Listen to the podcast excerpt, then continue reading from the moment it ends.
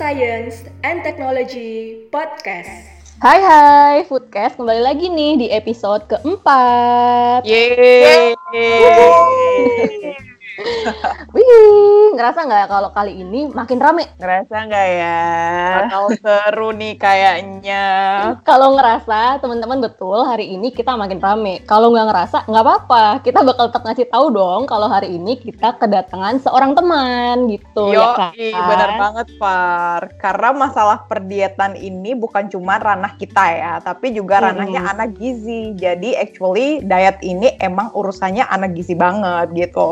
Tapi gizi juga nggak bisa lepas dari makanan sebagai sumbernya. Jadi dari episode 1 sampai 3 kita juga udah ngomongin bahwa gizi itu penting ya guys. Jadi Hmm. maka dari itu kali ini kita mau kolaborasi dong. Of course. Iya benar biar nggak gue mulu yang ngomongnya kan. guys. Iya, biar ada ada jeda gitu ya Ren ya, Bi- biar kamu bisa istirahat dikit gitu. Nah, eh, langsung aja ya kita munculin teman kita. Please welcome Lydia. Yeay. Halo, halo.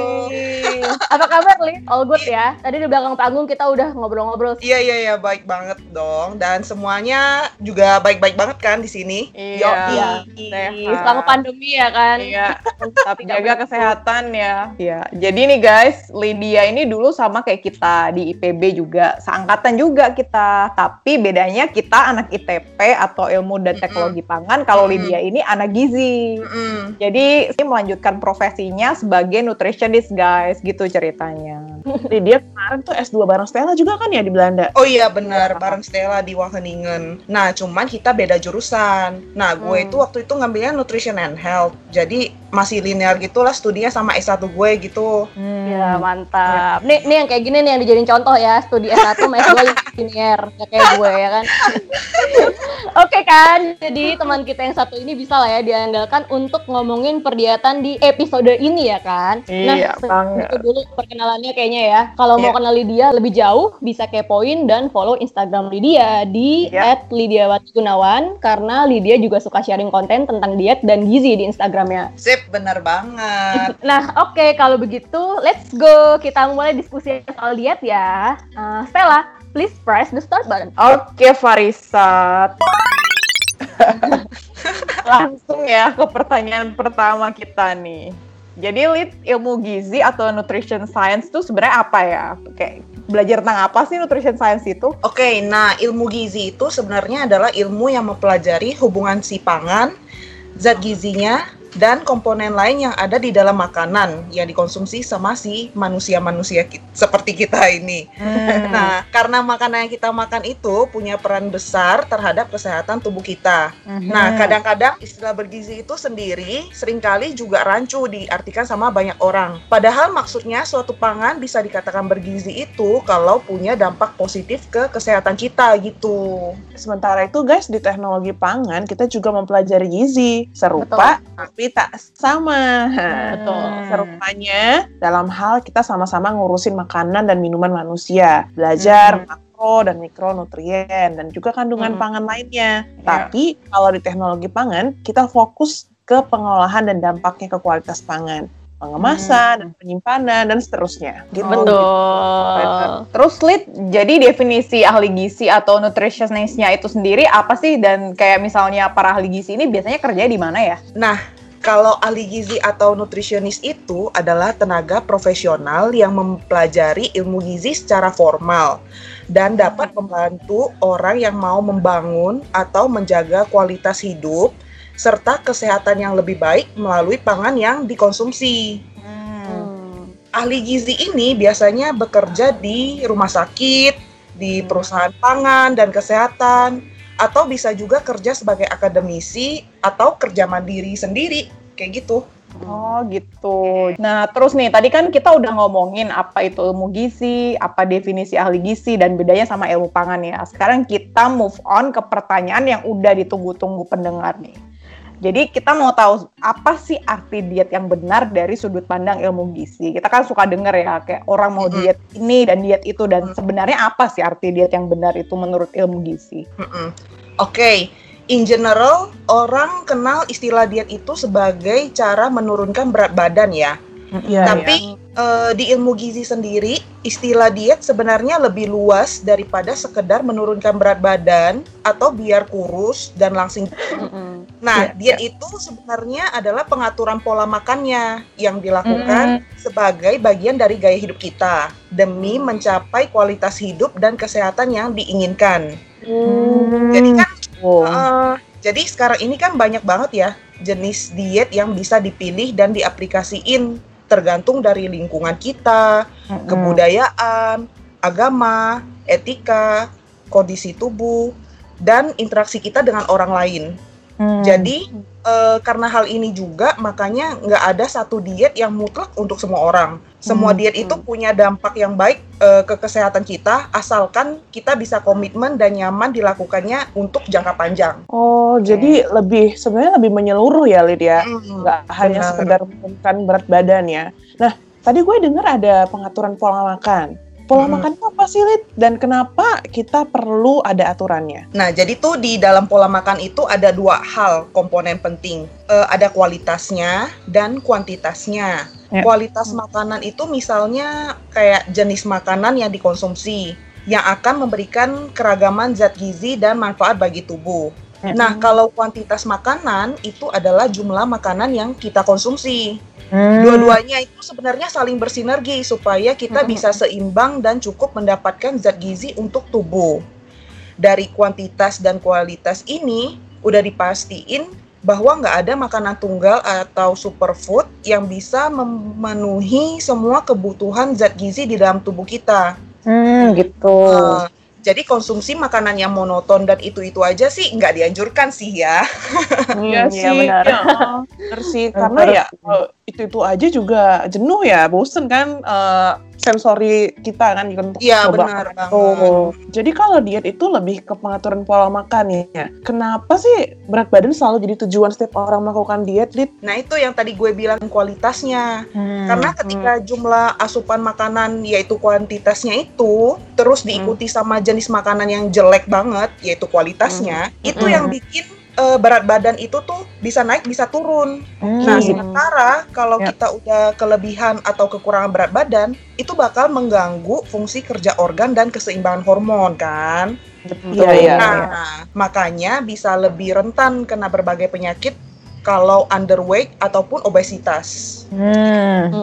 Tapi kalau udah dapat berat badan yang kita inginkan, nggak berarti kalau kita nggak perlu diet lagi. Karena Hmm. habis itu akan masuk ke fase yang paling berat, yaitu fase mempertahankan berat badannya atau maintenance.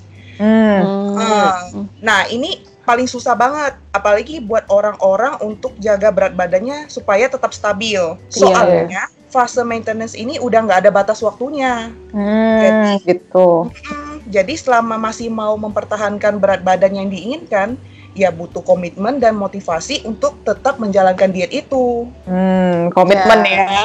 Iya, iya. Jadi Terus? diet itu sebenarnya adalah pilihan pola hidup yang akan dijalani selama mungkin gitu. Hmm. Soalnya udah sering banget kan, karena udah hilang Iya, motivasi gitu atau komitmen, atau malah salah Oh, pilih benar. diet. Iya. Ya jadinya kan berat badan naik lagi, terus nafsu makannya juga udah nggak terkontrol. Hmm, ya. Ya, Itu ya yang sering dibilang yoyo itu ya berat badan Nah, yoyo. benar. Hmm. Jadi Yoyo effect ya. Oh, jadi ternyata diet itu bukan jadi satu-satunya cara ya untuk mendapatkan berat badan yang ideal atau menjaga berat badan ya, Lid. Iya, jadi diet itu emang bukan satu-satunya cara buat mendapatkan berat badan yang ideal. Soalnya Hmm. pengaturan diet cuma salah satu faktor gitu loh. Hmm. Masih ada olahraga atau aktivitas fisik. Kualitas tidur juga jadi faktor supaya berat badan stabil atau konsisten di angka yang kita inginkan. Kayak gitu. Hmm. Wah, gua kena banget nih. Mantap. Tidurnya kurang ya. Yoi. para para makhluk malam nih kayaknya. Betul, kita banget. Aduh. Nah, Lid, kalau orang yang berat badannya udah ideal nih, apakah berarti Hmm. dia nggak perlu lagi memperhatikan dietnya? Oh tetap, tetap harus memperhatikan dietnya, walaupun berat badannya ideal.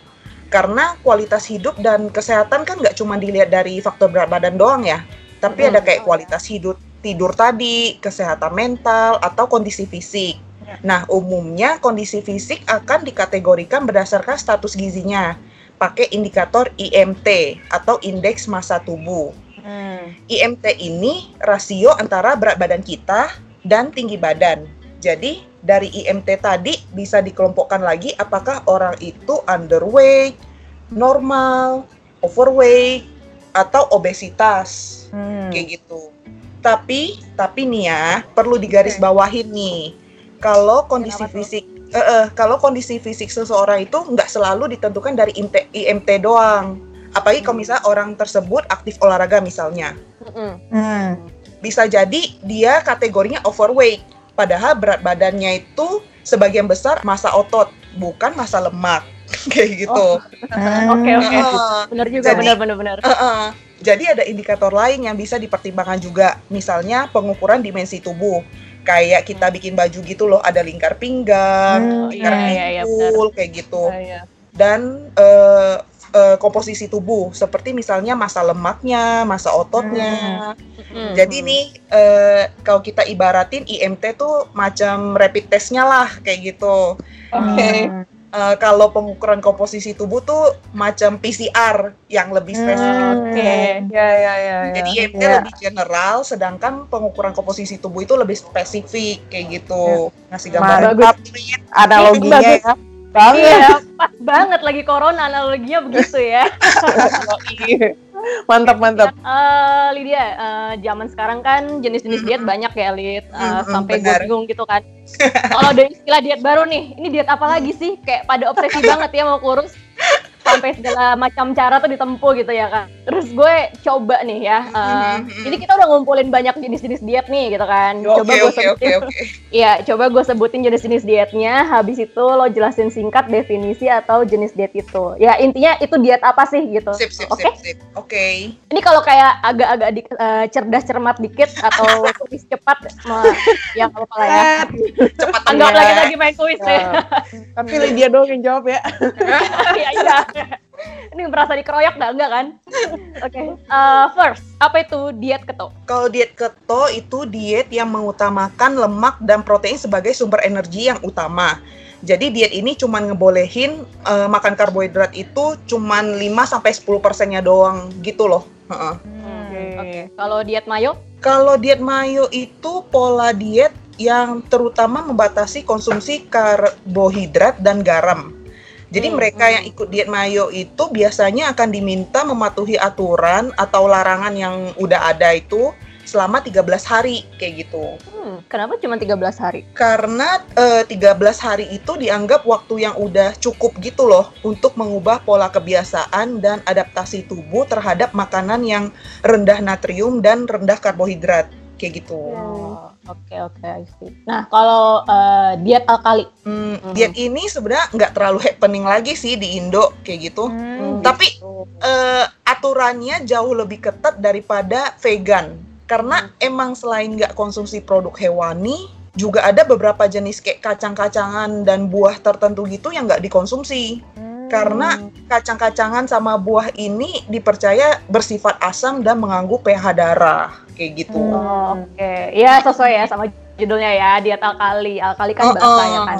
Gitu. Balik lagi ke pH ya. Untuk kita udah bahas ya konsep pH di episode 1. Jadi yang belum ngerti, Iya. please back to episode 1. Iya, udah-udah. Waktu itu dibahas berdetail ya. Iya.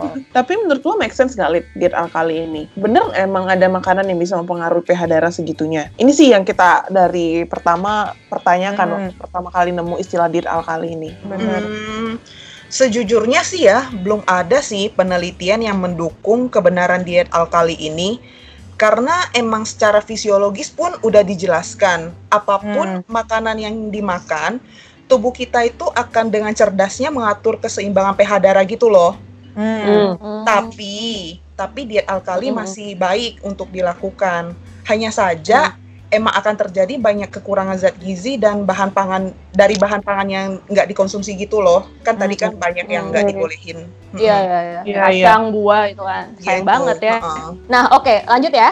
Mm-mm. Eh, tadi lebih stick dari vegan ya, eh, diet alkali. Kalau vegan sendiri definisinya apa? Eh, bedanya sama vegetarian coba. Eh, kalau vegan itu pola diet yang nggak makan semua semua pangan hewani termasuk kayak telur, susu dan produk olahannya. Nah, bedanya sama vegetarian, kalau vegetarian itu pola diet yang nggak makan semua pangan hewani, kecuali telur, susu, dan produk olahannya. Jadi Hmm. telur, susu, dan olahannya itu masih boleh gitu loh.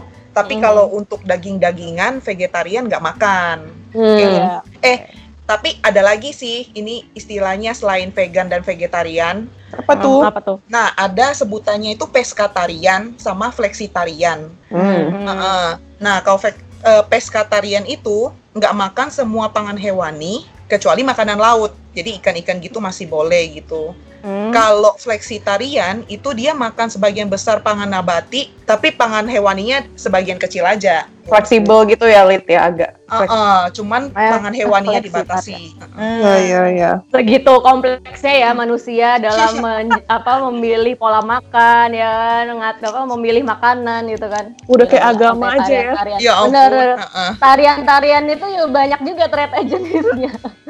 Fleksitarian, peskatarian, oke. Next ya, kalau clean eating Kalau clean eating itu pola diet yang mengonsumsi makanan dari bahan makanan yang segar atau diprosesnya seminimal, seminimal mungkin Hmm. dengan pilihan makanannya yang tinggi serat, karbohidrat kompleks, dan kalau bisa waktu makannya itu dibagi jadi enam kali porsi kecil dalam satu hari kayak gitu. Oke, eh, oke next flexible eating. Hmm, kalau ini sih eh, happeningnya di dunia fitness sih. Pola diet Hmm. ini nih terkenal banget gitu. Jadi semua Hmm. makan dibolehin untuk dikonsumsi dengan aturan 80% makanan sehat dan 20%-nya junk food.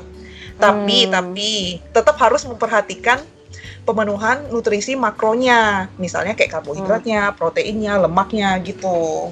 Oke next eh, intermittent fasting. Nah, kalau intermittent fasting ini nggak ada pantangannya ke jenis dan jumlah makanan, itu nggak ada. Tapi waktu makannya aja yang agak dikontrol. Misalnya, Hmm. ada beberapa kategori intermittent fasting yang bisa dipilih. Ada tipe 16-8, yaitu 16 jam puasa dan 8 jam waktu makannya.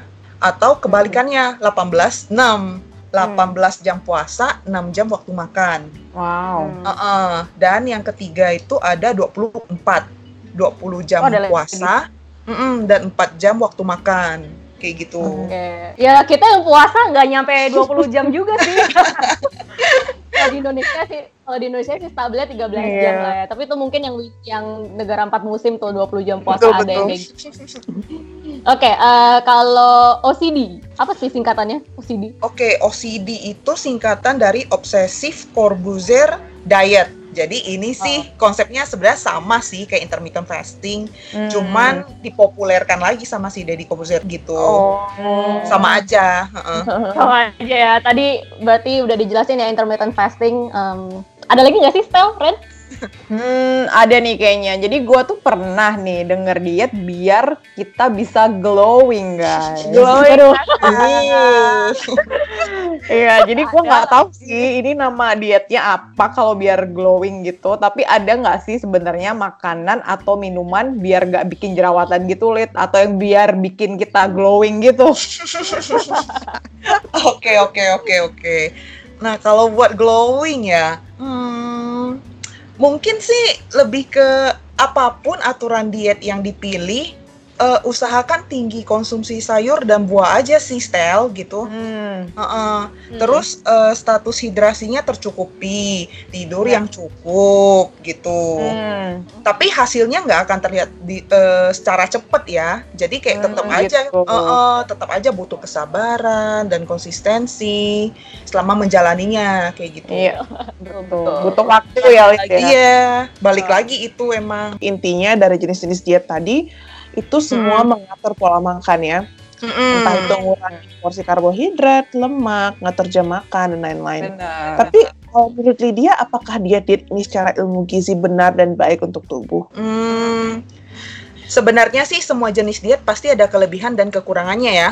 Hmm. Beberapa diet mungkin nggak memenuhi kaidah ilmu gizi yang benar, tapi eh, selama memberikan dampak positif, nyaman untuk dilakukan, dan dapat dilakukan secara jangka panjang, ya silakan aja sih, terusin aja. Hmm. Hmm. Tapi nih, misalnya eh, kayak diet mayo dan keto misalnya, tubuh kan akan menggunakan lemak ya sebagai sumber energi karena sumber Iya. karbohidratnya dibatasin tadi. Tapi eh, saat tubuh masih belum mendapatkan karbohidrat, lama-lama tuh tubuh akan pakai protein untuk dipecah jadi sumber energi juga. Hmm. Eh, karena tubuh nggak bisa menyimpan protein kayak kita menyimpan karbohidrat. Makanya lama kelamaan tubuh akan kekurangan protein. Eh, jadi asam amino udah nggak bisa lagi tuh dipakai untuk memperbaiki sel-sel tubuh yang rusak. Hmm. Nah, tandanya yang paling kelihatan itu saat tubuh kekurangan protein itu kalau masa ototnya turun. Nah, kalau udah kayak gitu tuh orangnya biasanya kelihatannya kurus. Hmm. Gitu. Nah, contoh lainnya kalau misalnya intermittent fasting atau OCD yang kan ngasihnya waktu makannya terbatas ya. Mm-mm. Jadi orang yang mengalami OCD atau intermittent fasting biasanya akan mengorbankan salah satu waktu makannya. Entah itu sarapan atau makan malam. Ya. Yang sebenarnya sih mungkin kurang disetujui sih ya dalam pandangan gizi gitu. Hmm. Apalagi selain itu kan ada aturan gizi yang menganjurkan konsumsi dalam jumlah porsi kecil dan sering gitu. Hmm, gitu. Jadi dari jenis-jenis diet yang tadi itu diet yang mana sih Lid yang paling baik untuk mendapatkan berat badan ideal kalau gitu? Sebenarnya sih jawabannya ya nggak ada ya jenis diet yang paling baik buat mendapatkan berat badan yang ideal. Karena Hmm. emang prinsipnya menurunkan berat badan atau menaikkan berat badan itu bukan dari jenis dietnya, Hmm. tapi dari kuantitasnya, kalorinya itu. Jadi kayak harus kalori defisit atau kalori sur- surplus gitu loh. Hmm. Makanya apa pun pola diet yang dipilih, kalau dikonsumsi secara berlebih akan meningkatkan berat badan. Apalagi Mhm. ditambah mager, malas gerak gitu ya. Dan Iya iya iya iya. Tim rebahan, tim rebahan. dan ditambah misalnya metabolisme tubuhnya juga rendah gitu. Heeh. Itu dari eh, kuantitasnya. Selain itu kualitas makanannya misal harus yang baik. Misalnya makanan iya. yang mengandung tinggi gizi, bukan yang tinggi kalori doang kayak gitu. Hmm. Iya iya. benar. Jadi intinya semua hal ini nggak bisa dipandang sebagai hal yang mutlak gitu loh. Mana yang Hmm. benar, mana yang salah, mana yang paling baik gitu. Karena Ya. emang banyak faktor yang menyebabkan setiap orang nggak bisa menjalankan aturan diet tertentu.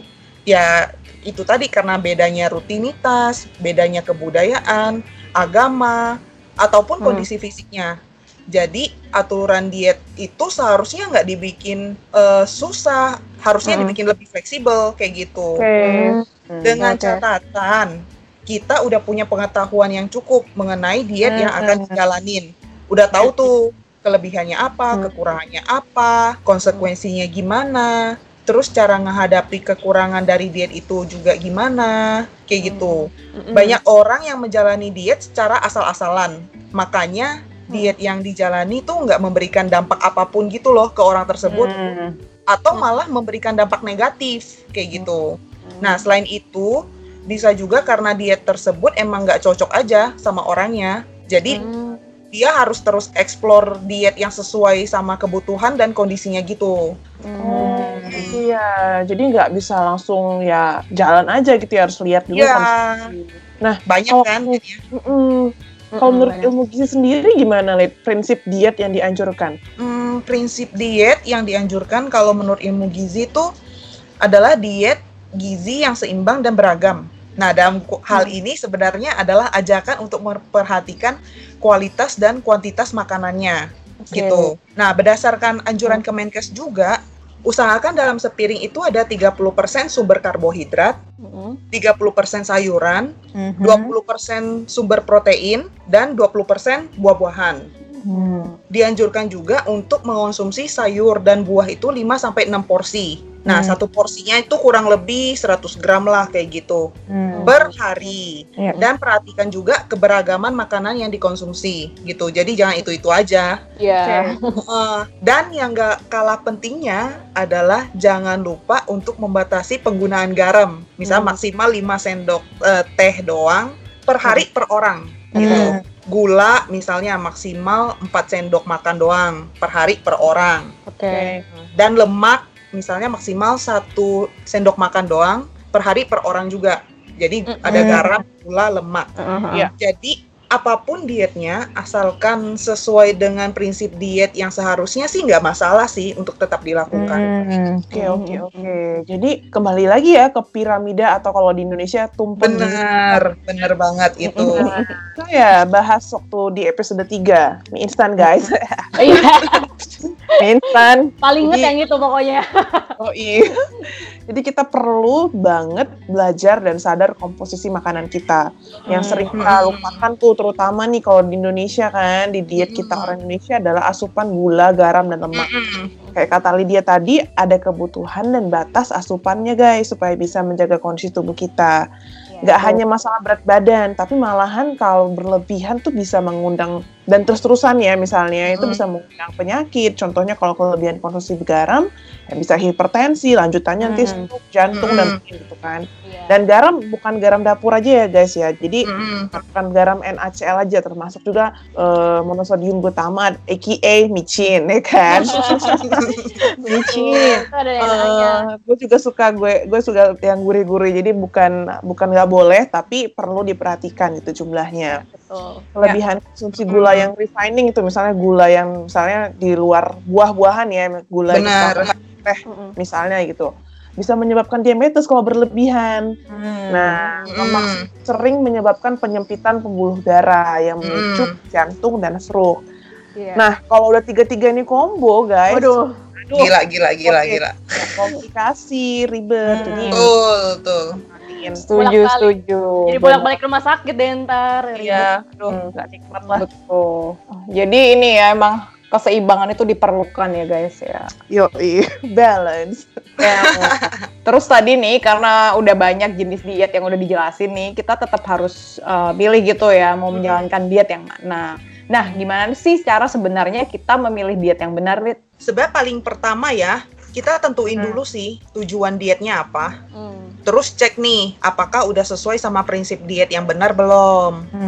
Habis itu perhatiin juga misalnya rutinitas atau kebiasaan yang kita lakukan itu gimana. Misalnya dalam agama dan budaya kita masing-masing gitu loh. Karena kan emang agama dan budaya itu kan mempengaruhi ya waktu makan kita, Hmm. jumlah porsi, dan pantangan Benar. makanan tertentu kayak gitu. Hmm. Nah, jangan lupa nih sesuaikan juga sama pemasukannya Hmm. atau income. Hmm. Jadi kan nanti kan Oh. ada akan berpengaruhi ya ke jenis-jenis pangan apa yang kita konsumsi kayak gitu. Hmm. Kemampuan kita untuk membeli makanan atau bahan-bahan makanan tersebut juga gitu. Hmm. Nah, kecuali sih emang lo tanam pohon sendiri terus lo bisa panen sendiri ya, itu beda cerita lagi gitu. Bobot gitu ya. Bercocok tanam ya kan. Nah, terus selanjutnya sesuaikan juga sama kondisi kesehatan. Oh, Oke. Yang terakhir, eh, pikirin juga tuh kenyamanan dan komitmen. Balik lagi ya itu ya. Hmm. Untuk Iya. dilakukan secara jangka panjang kayak Iya. gitu. Bahkan kalau bisa ya bisa dilakukan sampai seumur hidup kayak gitu. Hmm. Komitmen jangka panjang nih guys, penting nih. Skills. Komitmen guys, komitmen jangan lupa komitmen. Habis ini kuis berapa kali kita menyebutkan komitmen dalam episode ini. Boleh tuh bahanin instastory kita nanti, oke. Berapa kali kita menyebutkan komitmen dalam episode 4? Oke. Iseng abis. Oke, ya biar antisipasi ntar pada langsung pada ngitungin dari awal sampai akhir. ya udah ngomong-ngomong eh, seumur hidup nih, ngomong-ngomong seumur hidup ya tadi. Mm-mm. Jadi, jadi hampir lupa kan mau nanya apa.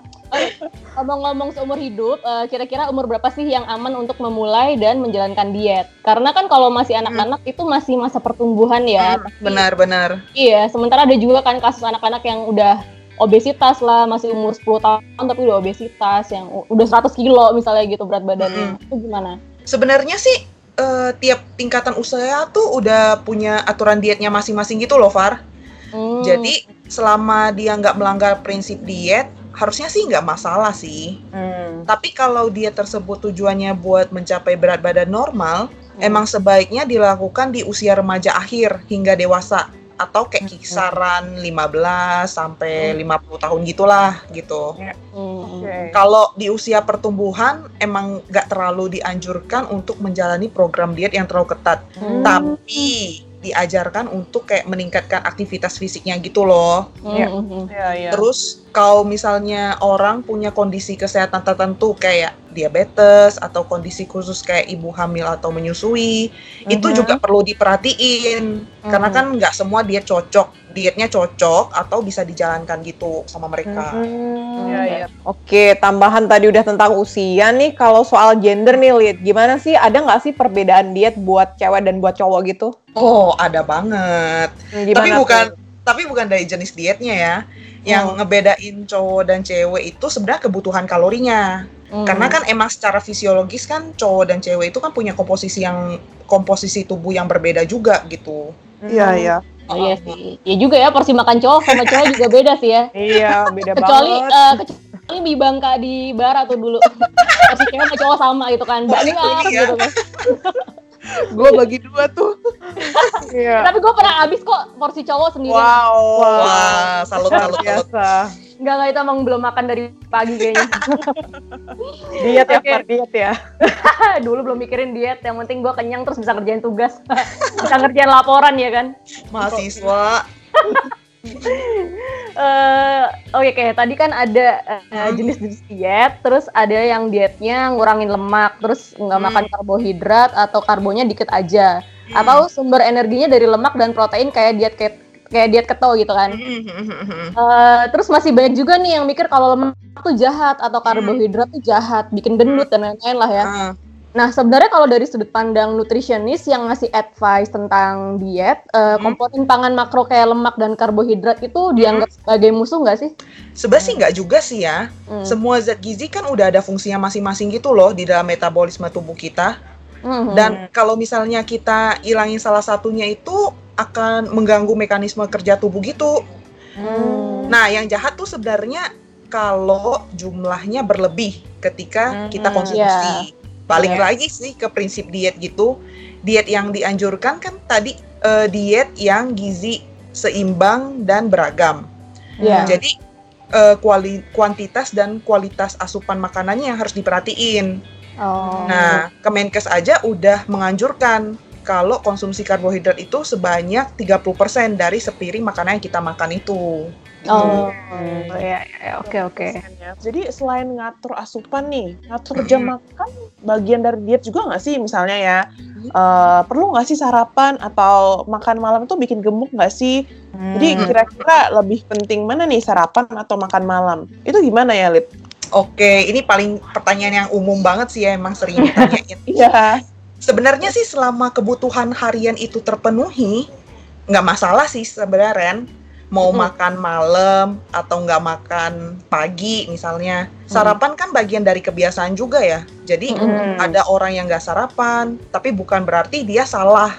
Dan itu nggak masalah, sah-sah aja gitu. Hmm. Iya, kebiasaan ya. Oh, Hmm. Kalau gue tipenya sarapan, mungkin yang lain enggak gitu ya. Betul, Iya, kayak benar-benar. gitu. Kalau lo sendiri sebagai nutrisionis memilih dan menjalankan pola makan tertentu nggak, Lid? Atau malah lo emang memilih dari salah satu jenis-jenis diet yang tadi udah kita diskusiin? Oke, kalau gue sih iya sih ya. Eh, Gue pribadi menjalani pola makan intermittent fasting 16-8. Heeh. Wow. Karena eh, gue nganggep pola makan ini nih yang paling nyaman dilakukan gitu loh secara jangka panjang. Hmm. Dan gue yakin gue bisa komitmen ngejalaninnya. Hmm, oke. Nah, dengan intermittent fasting ini gue tetap bisa mengonsumsi makanan yang gue suka. Kayak makanan yang digoreng, Hmm, atau digoreng. kayak mm, Gorengan cuy. iya. atau kayak karbo karbo itu gue seneng banget gitu loh Hmm. cuman eh, ya gue perlu kontrol jam makannya aja gitu Mm-mm. ya tentunya sih dengan memperhatikan kualitas dan kuantitas makanan yang gue makan juga sih gitu Hmm, Iya, iya. iya. Heeh. cuman gue pernah nih coba jalanin clean eating selama beberapa waktu Hmm. Tapi nggak cocok gitu karena Hmm. lama-lama kayak jenuh gitu loh sama pola makan yang minim proses Hmm. agak hambar kayak gitu kan Hmm. terus ya rebus-rebus kayak gitu Iya, iya, iya. nah sementara itu kalau kayak diet mayo atau diet keto itu kayak udah bukan pilihan gue sih gue nggak Hmm. bakal ngambil itu karena emang masih suka karbo kan secara gitu Iya. Iya. jadi kayak selain intermittent fasting eh, gue juga kombinasiin sama flexitarian itu Hmm. yang tadi itu yang kita pemilihan makanan dengan komposisi sebagian besarnya sumber nabati dan sebagian kecil sumber hewaninya. Mm. Heeh. Nah, gue pilih ini karena eh, pengen membatasi konsumsi daging aja sih gitu. Tapi Hmm. kecuali ikan, ikan masih makan kayak gitu. Hmm. Hmm, Jadi kayak penting banget sih buat cari tahu diet yang sesuai dengan rutinitas dan preferensi kita itu kayak apa gitu. Wih, luar biasa loh Lydia ini ya. Nggak- Nggak cuma teori ya, tapi juga praktek ya kan. Iya. Nice, kakak. Ya biar ngerti juga sih kita nantinya gimana kan. Jadi mesti dipraktekin dong. Betul, betul, betul, betul. Nggak ngomong doang ya, Lid ya. Iya, Sip, gak sip. cuman teori-teori aja, udah ada prakteknya nih. Kayak lo keren banget lah, Lid. Udah keren banget lah nutritionist. Nah, soal praktek perdietan nih, Lid. Kita kan Mm, mm. Tuh cari tahu info soal diet ini ya. Tadi kayak uh, dibilang tahu dietnya gimana gimana. Nah, Benar, kalau benar. kita mau akses informasi tentang gizi, kira-kira harus ke mana sih? Apakah harus ke ahli gizi atau ke dokter atau ke mana sih baiknya? Oke, jadi pertama eh, kita bisa akses ke sumber yang terpercaya. Kayak misalnya Kemenkes, misalnya Hmm. lewat eh, aksi Germas ya, Gerakan Masyarakat Hidup Sehat. Gerakan Itu- masyarakat hidup sehat. Oke. Gemas ya, bukan gemas. Benar. Ada Itu- R di tengahnya. Mm-mm, Iya. Jadi itu bisa akses saja ke websitenya di promkes.kemkes.go.id slash germas. Di situ tuh udah banyak banget info-info dan aturan umum yang bisa kita baca di situ mengenai prinsip diet yang benar. Kayak gitu. Nah yang kedua bisa konsultasiin permasalahan lo ke lebih spesifik lagi ke ahli gizi atau nutrisionis. Kayak gitu. Yang ketiga, buat orang yang suka googling-googling, itu jangan terlalu gampang percaya sama info kesehatan dari Google sendiri, eh, eh, maksudnya dari internet sendiri, Hmm. ataupun dari broadcast message, atau pesan berantai di grup apa pun gitu loh. Hmm. Karena kan eh, takutnya hoax juga ya. Iya. Atau iya, kalau iya. ketemu info yang rancu kayak gitu, jangan ragu buat nanyain lagi ke ahlinya. Atau cek lagi ke sumber-sumber terpercaya lagi. Hmm. Misalnya ke sumber informasi dari organisasi atau institusi internasional itu loh. At- Iya. Ya yang di bidang kesehatan gitu kayak WHO atau FHO misalnya. Ya. Nah, paling akurat sih emang datang atau tanya langsung ke ahli gizi atau dokter kayak gitu.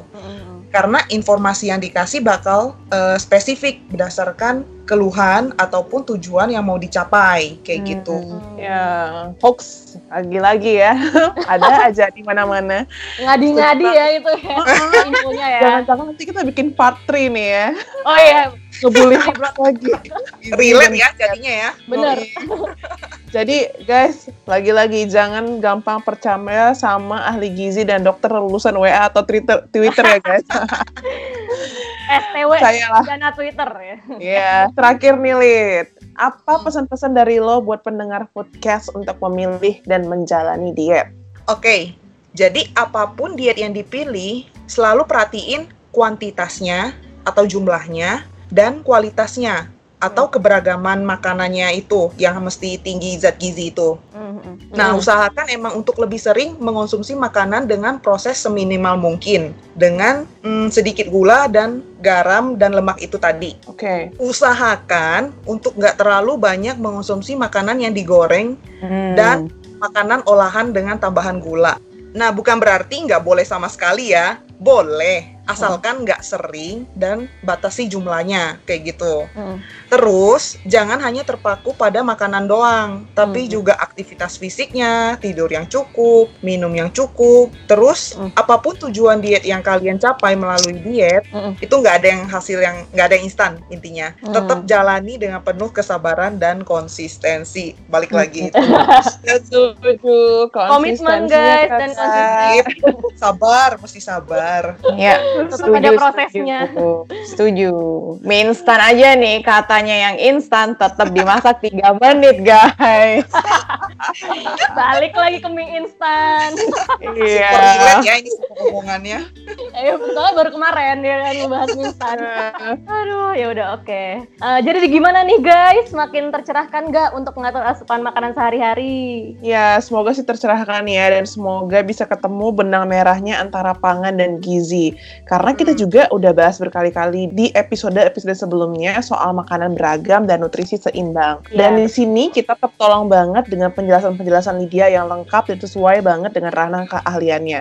Soalnya nih Lid, selama ini kita sering bingung gimana menanggapi pertanyaan yang datang dari pendengar terkait gizi Mhm. manusia, terutama yang diet nih. Kan kita takut jadi sotoy gitu ya guys. Oke. Betul. Tapi kita sering banget loh ditanya tentang gizi gitu ya kan? Iya Hmm. benar-benar. eh, jadi karena mikirnya pangan gitu kan tahu mhm, gizi manusia. Jadi kita nggak mau sotoy.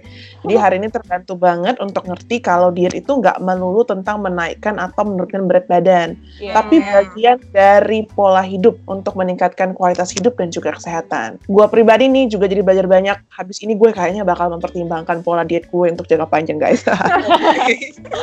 Langsung keren ya. Gue sih kayaknya sama kan. Eksekusi. Lo juga Estel.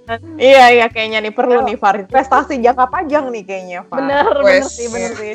Dan sebenarnya dari penjelasan Lydia tadi sih jadi makin paham kan ya kenapa pangan dan gizi itu walaupun dua hal berbeda tapi Hmm. tapi gitu. Jadi eh, belajar banyak sih malam ini. Eh, itu juga ya sebabnya dulu jurusan kita tuh di IPB digabung gitu ya kan, jadi TPG, Teknologi Pangan dan Gizi. Iya nggak? Oh Bener iya. banget Far. Benar, Iya. benar, Iya, tapi mungkin kalau di ilmu gizi nggak terlalu fokus sama food processingnya ya, benar. lebih ke benar. manusianya ketika makan makanan tertentu. Benar. Mm-mm, gitu. Ya sementara kalau kita ya harus banget tuh mikirin gimana bikin mie instan yang kadar airnya harus di bawah 8% gitu kan. Atau mikirin gimana caranya supaya jus-jus kemasan tuh warnanya nggak berubah karena oksidasi gitu kan. Ya itu kita Iya. kan. Itu ranah kita kan gitu. benar, benar Far. Bahkan gue ingat banget kita juga harus mikirin nih jumlah bakteri di produk yang udah jadi itu buat Mm-mm. ngecek ada kontaminasi atau enggak kita harus pikirin itu juga. TPC ya, self total. Benar, Wow, TPC. Mikbang banget ya bun. iya, waduh Ren, jadi teringat masa lalu nih. masa lalu. Lydia sorry ya kita jadi keluar jalur ke masa lalu. Slow, slow. Tapi terima kasih banyak lo udah mau sharing ilmu di sini dan udah mau jawab-jawabin pertanyaan kita. Iya, thank you banget Lydia. Thank you Oh, juga. Lydia. Thank you juga udah diundang di sini. Semoga bermanfaat ya. Iya. Oke.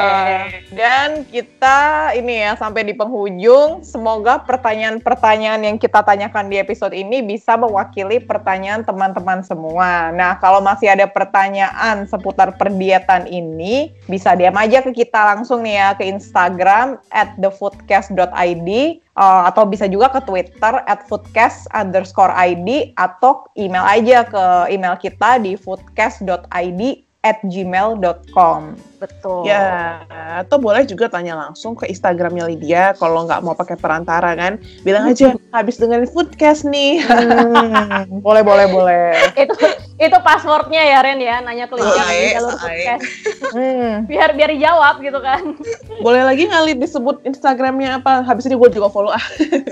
Oh bisa bisa banget gitu. Kalau ada yang mau nanya-nanya gitu kan bisa kok eh, DM ke @lidiawati Gunawan. Jadi bisa bisa nanya-nanya via DM atau na- eh, konsultasiin misalnya bisa banget gitu tentang perdietan ini atau hal lainnya misalnya yang terkaitan dengan gizi ya. Hmm.